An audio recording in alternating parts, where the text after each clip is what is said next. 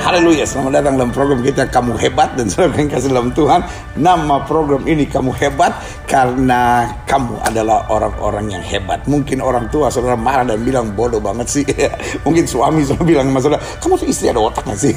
Mungkin istri-istri sedang bilang sama suaminya Duh saya nyesel menikah sama suami seperti kamu. Saudara yang kasih dalam Tuhan makian, bentakan, kekerasan, kekasaran Hari-hari ini sudah ada di mana-mana. Tapi saudara yang kasih dalam Tuhan Yesus menatap kita dan berkata Aku mengasihi engkau Itu sebabnya Daud berkata Kejadianku dahsyat dan ajaib Dan jiwaku benar-benar menyadarinya. Karena itu hari ini Izinkan saya kembali mengingatkan saudara Kamu hebat. Dan yang kasih dalam Tuhan hari ini bersama dengan saya adalah seorang hamba Tuhan yang hebat yang melayani dari cukup lama. Saya waktu itu saya ingat betul saya masih masa-masa SMA, saya masih masa-masa kuliah dan beliau sudah lewat puji-pujiannya. Bahkan beliau mulai awalnya dalam pelayanan puji-pujian, min pujian dengan luar biasa. Kemudian Tuhan percayakan gereja dan ada satu yang saya perhatikan bahwa beliau dalam pelayanannya dipimpin dengan visi visi yang luar biasa dan benar kata Alkitab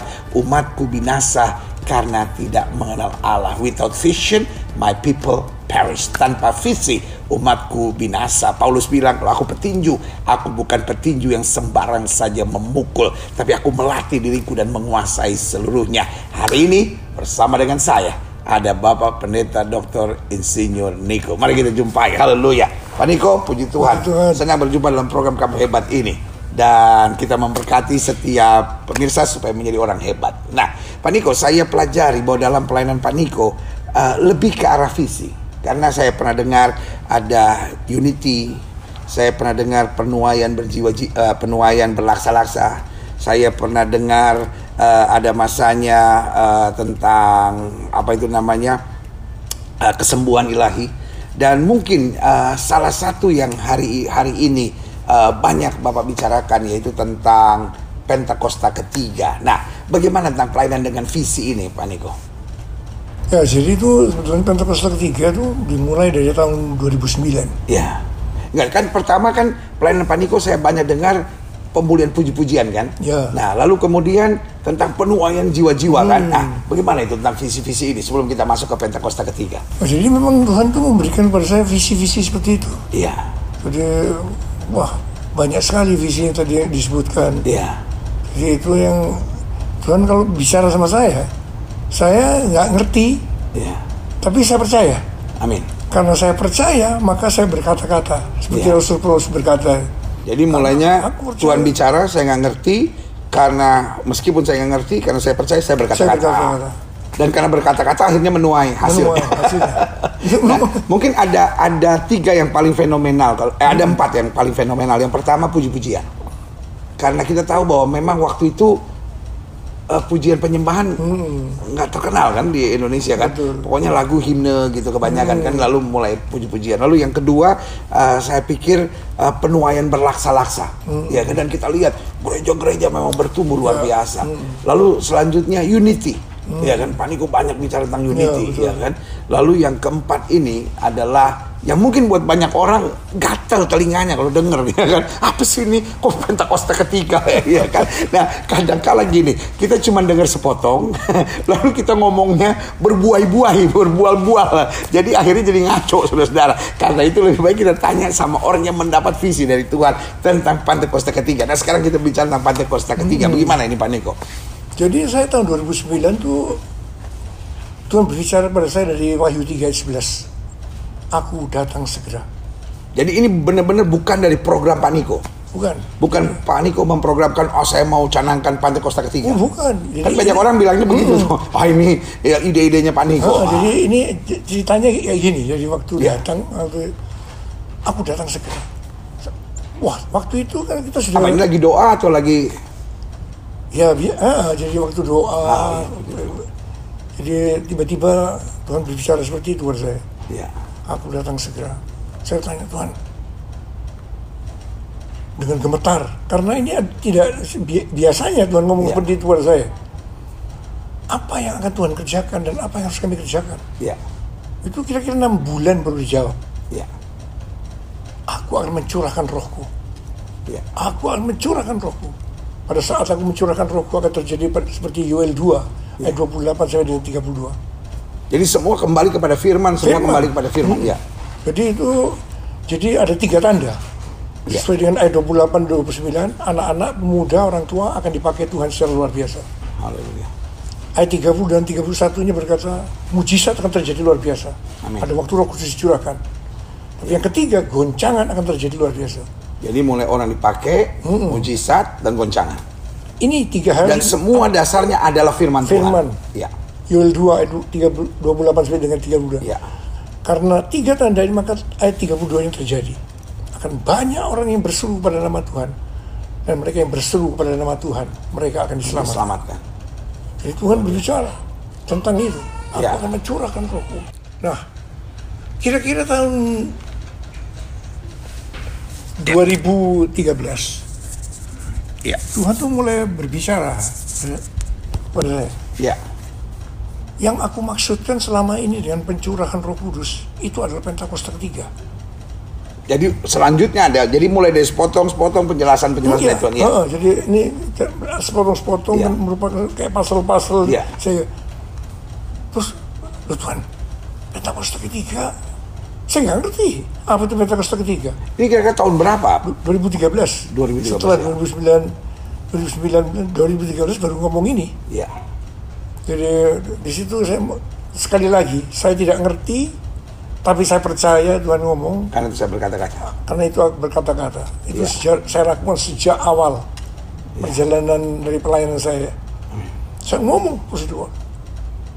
Wah, itu mulai rame orang. Saya ingat itu waktu Pak Niko mau masuk kota Jakarta. Karena saya melihat ada lawatan Tuhan di Jakarta. Kita akan bangun gereja. Waktu itu sama sekali belum ada gereja tuh. Jadi maksudnya tidak banyak orang yang nanam saya, gereja. Saya waktu itu masih masih kuliah tingkat berapa, saudara-saudara? Kuliah teologi ya waktu itu. Hmm. Nah kita lihat, wih, Pak Niko dari Surabaya kan kita pikirkan oh gitu kota Jakarta Surabaya. Oh pokoknya akan ada lawatan Tuhan di Jakarta karena itu kita harus siapkan wadahnya kalau kalau saya nggak salah begitu kira-kira. Dan kemudian Tuhan mulai bekerja uh, luar biasa waktu itu kan. Hmm. Iya iya iya. Ya. Jadi memang selalu kayak gitu. Jadi Ya. karena ini sesuatu yang baru, Ya. yang banyak menuai kecaman itu ya pasti saya. Ya. Itu mulai nanam gereja kan. Saya juga nggak ngerti. Ya. Saya pikir wah dengan sukacita nanam gereja. Loh, tahunya banyak orang yang artinya terkena dampaknya. Ya. istilahnya. Tapi Tapi penuaian jiwanya juga Oh, jelas. Ya.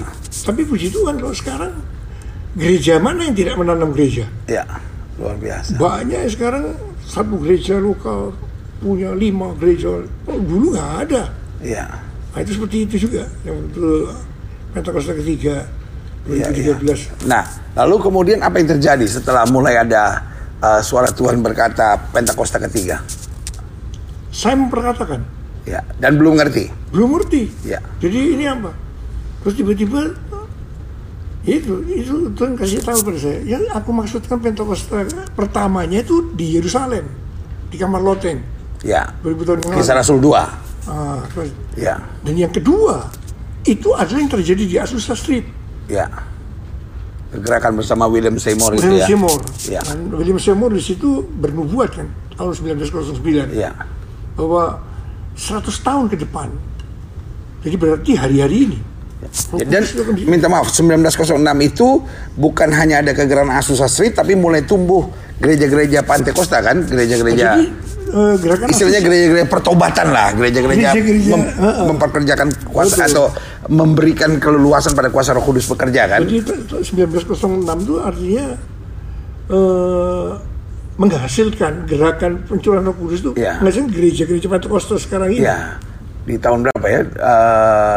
Itu 1911 kira-kira ya. Oh, sudah. Iya, selama betul. 25 tahun gerakan Ya. itu.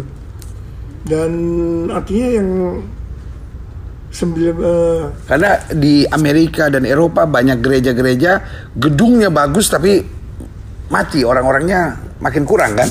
Semenjak tahun ini baru mulai bangkit ya, lagi ya. bangkit lagi. Luar Bangkit lagi. biasa. Nah, lalu apa yang Pak Niko rasa tentang eh, Pantekosta ketiga ini? Karena ada banyak orang berkata, aduh, doktrin apa lagi ini yang terjadi ya kan? Lalu sebagian mempersoalkan kenapa tiga, kenapa nggak tujuh.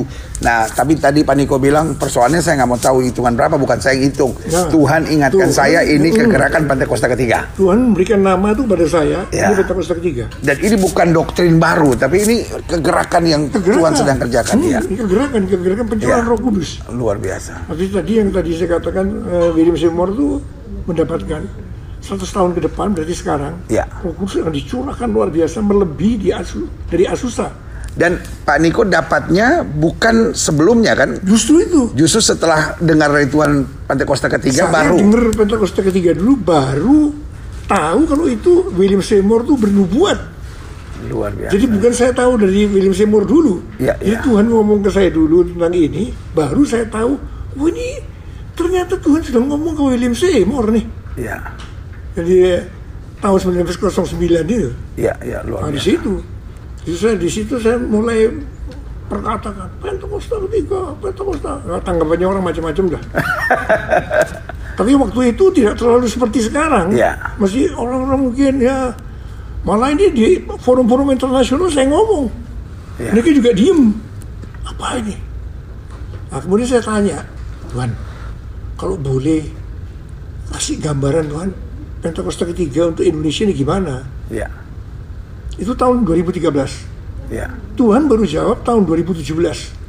Seorang hamba Tuhan dari Australia, Melbourne, dari Planet Seeker, yang namanya Russell Evan, Ya. dia dikasih penglihatan tentang Indonesia. Dia lihat api roh kudus sedang turun di Indonesia luar biasa. Kemudian dia melihat ada awan-awan, seperti Ya. ditiup angin. Saya percaya itu awan kemuliaan Tuhan. Keluar Amin. dari Indonesia ke bangsa-bangsa.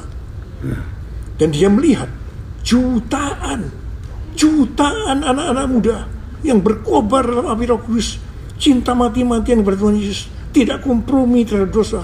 Dan akan melayani bangsa ini. Belum pernah terjadi sebelumnya. Wah luar biasa. Pak Niko, saya khawatir banyak pendeta-pendeta Indonesia eh, tidak bisa terima penglihatan ini karena mungkin mereka punya yang orang Belanda bilang Minderwanda hate complex. Masa sih dari Indonesia akan ke bangsa-bangsa? ya kan? Kadang-kadang persoalannya begitu. Kadang-kadang kita pikir, oh kalau dari Amerika, amin, amin akan terjadi ya kan? Kalau dari Eropa, amin, amin akan terjadi. Kalau dari Amerika Latin, amin, amin akan terjadi. Indonesia enggak kali. Saudara ya. kasih dalam Tuhan.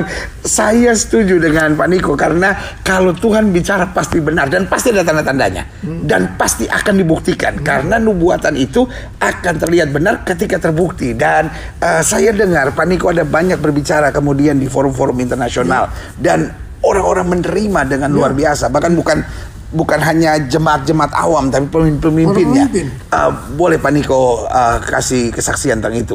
Saya dengar sampai di Amerika, di Brasil, Nah, jadi saya kan apa namanya? Saya di Israel juga kan? Oh iya, Ya. Israel. Saya kan terhisap dalam apa yang disebut dengan Empower 21. Ya. Itu semua gerakan ada di lima benua. Wow. Dan itu memang yang pertama kali saya bicara justru di sana. Dan itu yang jadi apa? Eh, Willie Wilson sebagai istilah ketuanya, lah, pemimpin itu sangat yakin percaya. Ini bener. Amin. Ini bener. Itu ketua-ketua daripada COG Church of God sampai sekarang Church of God menerima dengan dengan pengertian ini bener. Luar biasa. Jadi Orang Robert University. Pak Niko berbicara dan tim pelayanan Pak Niko yang memimpin puji-pujian dan lain-lain dan sementara mereka menerima. Ini Menerima. salah satu bukti bahwa kegerakan ini terjadi. Luar biasa. Bener. Dan baru-baru ini saya diundang ke Brasil juga hal yang Ya. sama. Jadi sudah melanda sampai Eropa, Brasil, lalu Israel, lalu Amerika beberapa negara bagian. Ya, Wah, bagaimana di Brasil? Wah, Brasil waduh luar biasa. Itu waktu saya diundang untuk ke sana oleh Daniel Kolenda waktu itu, Ya. penggantinya Reinhard Bonke. Dia berkata ada sesuatu di Brasil. Anda harus datang. Anda harus datang. Itu yang saya cerita. Mereka mulai mengadakan menjual tiket. Jadi di sana tuh tiketnya dijual kalau mau ke KKR. Karena kalau gratis nggak bakal bisa masuk. Gak bisa. Nggak Jadi muat tempatnya. ada- Heeh, jadi kayak nggak tahu juga loh, mau ada berapa banyak yang mau datang. Iya. Jadi mereka se- sewa satu stadion itu ternyata itu mau 80 ribu. Jadi tiket tuh dijual kurang dari 6 jam sold out. Wah, itu Wih, kalau kalau di Indonesia ada KKR jual tiket perkara itu pasti bacotnya lebih besar daripada jumlah yang hadir. Tetapi itu luar biasa saudara. Itu cara membatasi karena kalau gratis saudara, oh lu tumpah itu ruangan. Tetapi udah bayar aja orang betul-betul berbondong-bondong luar biasa. Atau gratis itu mungkin nggak tahu kan? Nggak muat lagi. mau bukan. Ya. Ada yang datang nggak nggak tahu kan? Ya Jadi betul. karena itu mereka jual di cari stadion yang kedua. Sekitar tiga hari sold out. Wah ini yang waiting list masih banyak. Cari stadion yang ketiga. Itu yang dua tuh ada di Sao Paulo. Ya. Mereka cari lagi stadion akhirnya dapat di Brasilia, Brasilia. ibu, Ibu kotanya, kotanya Brasil, Brasil, iya. di seluruh National Stadium. Mereka jadi pada hari itu ada tiga stadion yang dipakai. Ya. Itu hanya satu hari. Hari Sabtu tanggal 8 Februari 2020 dan yang hadir Ya. 180 ribu anak-anak muda dengan usia rata-rata 24 tahun. 180 ribu. 180 ribu. itu dari jam 10 pagi sampai jam 10 malam. Wah, 12 luar jam. biasa, luar Non stop. Wah, luar biasa. Pujian, penyembahan, firman, pujian terus. Luar mereka biasa. di tengah lapangan itu dipanas-panas mereka terus Ya. Selama se- 12 jam. Luar Dan biasa. saya tanya di sini, Indonesia kira-kira bisa nggak ya? Mereka bilang bisa. Saya bilang, pasti bisa, Luar biasa. pasti bisa.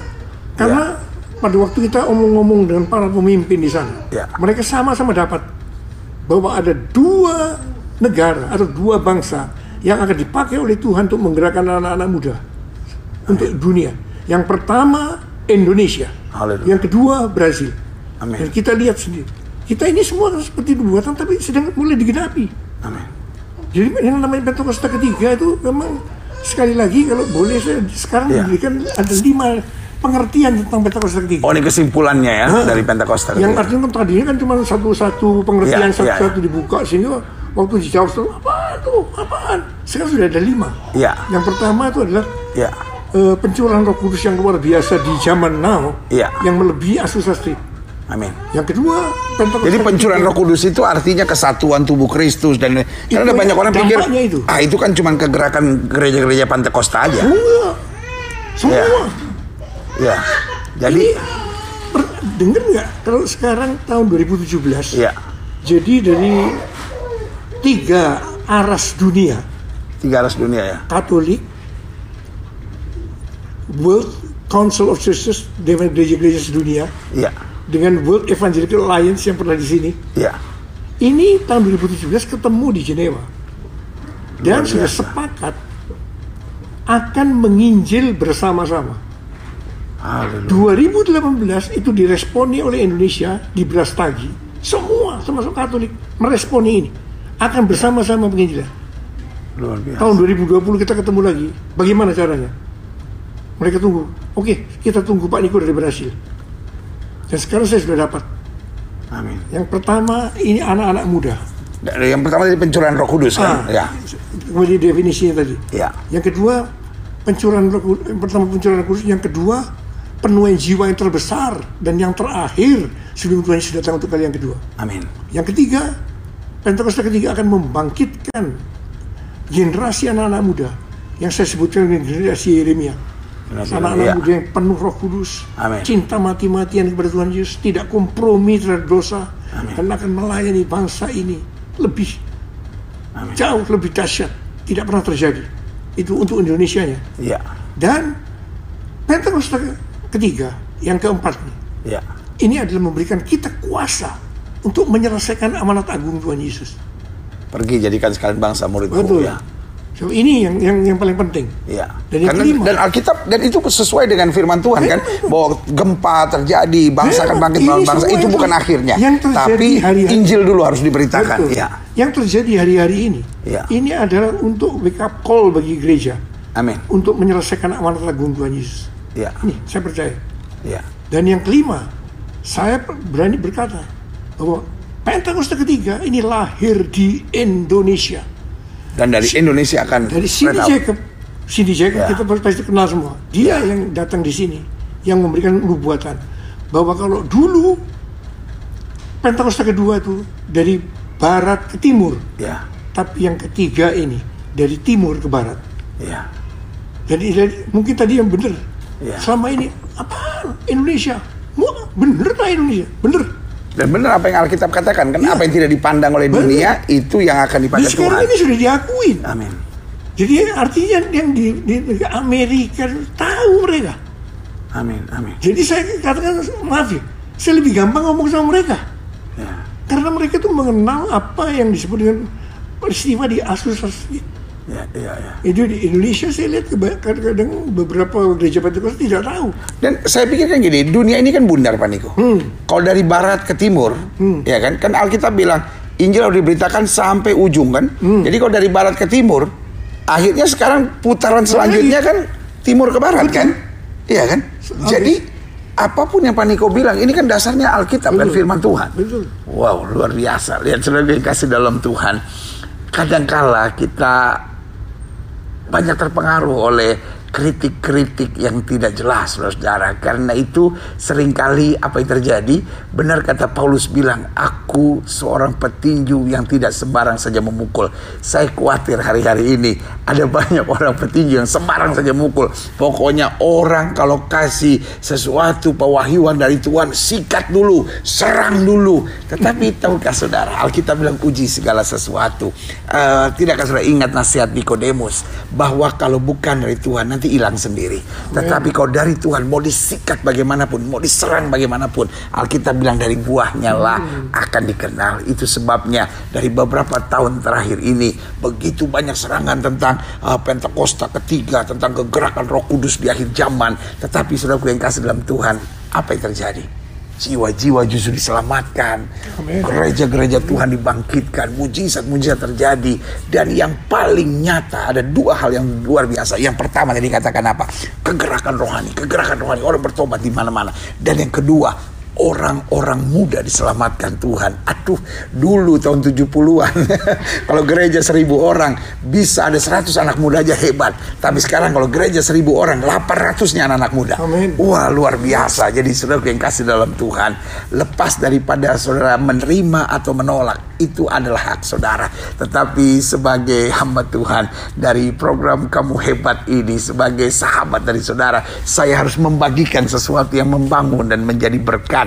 Karena eh, saya percaya YouTube channel ini. Bukan sekedar untuk bikin apa itu namanya fitnah. Untuk menebar hoax. Untuk menebar gosip. Tetapi juga untuk membangun. Untuk menguatkan. Untuk menuntun pada kehendak Allah. Dan tadi dijelaskan ada lima hal dahsyat tentang eh, Pantekosta ketiga. Mungkin istilahnya saudara menolak. Ah, saya nggak mau terima Pantekosta ter- ketiga. Terserah. ya kan. Buat Paniko yang penting adalah inilah kegerakan rohani di akhir zaman. Kalau pakai bahasa saya, saya bilangnya gini. Kegerakan roh kudus gila-gilaan. Jadi kalau saudara menolak uh, istilah Pentakosta ketiga, buat saya ini pakai ini aja gerakan Roh Kudus gila-gilaan di akhir zaman. Nah, Niko dapat dari Tuhan bahwa ini adalah kegerakan Pentakosta ketiga, kegerakan Pentakosta terakhir, kegerakan Roh Kudus terakhir, dan ada lima hal yang terjadi. Yang pertama tadi apa Pak Niko? Kegerakan Pencurahan Roh Kudus pencurahan yang Roh luar Kudus biasa di yang zaman luar biasa Yang di zaman now ini, yang melebihi Azusa Street, karena akan menjangkau jiwa-jiwa. Hmm, yang kedua Yang kedua, penuaian jiwa yang terbesar penuaian jiwa yang terbesar. Dan terakhir. Dan terakhir, dan sebelum Tuhan Yesus datang untuk kali betul, Alkitab memang bilang begitu. Apa yang Alkitab bilang? Gempa bumi itu bukan akhirnya. Tapi akhirnya Injil akan diberitakan. Orang akan pergi dari barat ke timur. Untuk apa? Untuk laparan haus akan firman Tuhan. Dan itu terjadi. Lalu yang ketiga, gerakan membangkitkan generasi anak-anak muda. generasi Yeremia, generasi orang-orang muda, orang yang berkata, ini aku Tuhan, utus aku Tuhan, ya, kan?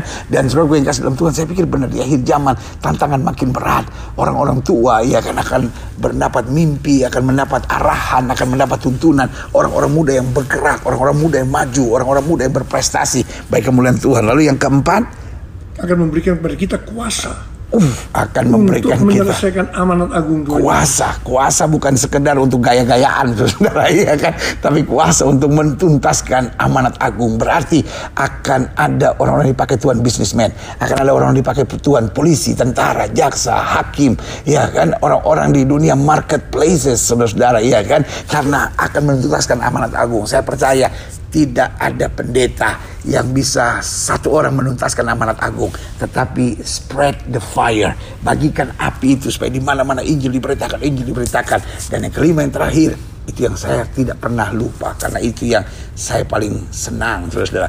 Mulai dari Indonesia. Indonesia. Jadi kalau orang Indonesia menolak gerakan Pentakosta ketiga ini, menolak gerakan Roh Kudus di akhir zaman, saya pikir sudah sudah nggak percaya diri, saudara. Karena sudah cuma pikir orang Amerika yang bisa, pendeta-pendeta hebat yang ada brewoknya gitu, yang memang keren yang bisa. Tidak. Saudara yang kasih dalam Tuhan, Indonesia sudah cukup banyak diejek oleh dunia. Indonesia cukup banyak direndahkan oleh dunia. Tetapi benar firman Tuhan, apa yang direndahkan oleh dunia justru akan diangkat Tuhan bagi kemuliaan Tuhan. Pak Niko mungkin ada kalimat-kalimat terakhir Pak Niko untuk mengajak jemaat untuk masuk dalam kegerakan uh, Roh Kudus di akhir zaman atau Pentakosta ketiga ini. Silahkan. Yang paling penting buat saya, roh bahwa Pentakosta ketiga ini adalah kuasa yang Tuhan berikan hari ini Ya. untuk menyelesaikan amanat agung Tuhan Yesus. Amin. Saya percaya ini adalah menjadikan kita sebagai murid. Ya. Murid itu siapa? Orang yang hidup seperti gurunya, Amin. yang menyerupai gambarnya. Dan saya percaya bahwa hanya orang-orang yang seperti ini yang akan ikut dalam pengangkatan. Amin. Jadi udah Waktu bukan dia datang. udah bukan waktunya hamba Tuhan satu nyerang hamba Tuhan lain, gereja Bukan. satu nyerang gereja lain, Ayo dominasi tangan. satu ribu. Gandengan tangan. Selesaikan amanat agung Tuhan Yesus. Amin. Jadikan semua bangsa itu muridku. Berbeda itu wajar. Iya. Ya. I- Itu yang paling penting menurut saya. Amin. Jadi itu memang Pentakosta ketiga itu itu adalah pencurahan Roh Kudus di zaman sekarang untuk memberikan kita kuasa. So, tidak mungkin dengan kekuatan sendiri. Harus berikan kuasa. Itu kuasa Roh Kudus yang Tuhan namakan hari-hari ini itu adalah Pentakosta ketiga. Haleluya. Saudara yang kasih dalam Tuhan, satu. Kesimpulannya Pak Niko ajarkan kepada kita, terima Roh Kudus sedang bergerak. Dua, hidup benar, hidup setia, hidup kudus. Yang ketiga, bersatu. Dan yang keempat, menangkan jiwa. Jangan kebanyakan ribut. Jangan kebanyakan berkelahi saudara. Jangan kebanyakan nyerang orang. Tetapi mari kita fokus pada jiwa-jiwa. Fokus pada kehendak Tuhan. Fokus pada amanat Kristus. Karena amanat Agung Kristus bilang pergi. Jadikan sekalian bangsa muridku. Saudara yang kasih dalam Tuhan. Saya Gilbert Lumondong bersama dengan rekan saya yang hebat. Bapak Pendeta Dr. Insinyur Niko. Mengatakan kepada saudara kamu hebat. Dan terimalah kegerakan roh kudus di akhir zaman. Tuntaskanlah amanat agung pergi jadikan sekalian bangsa murid Kristus. Haleluya.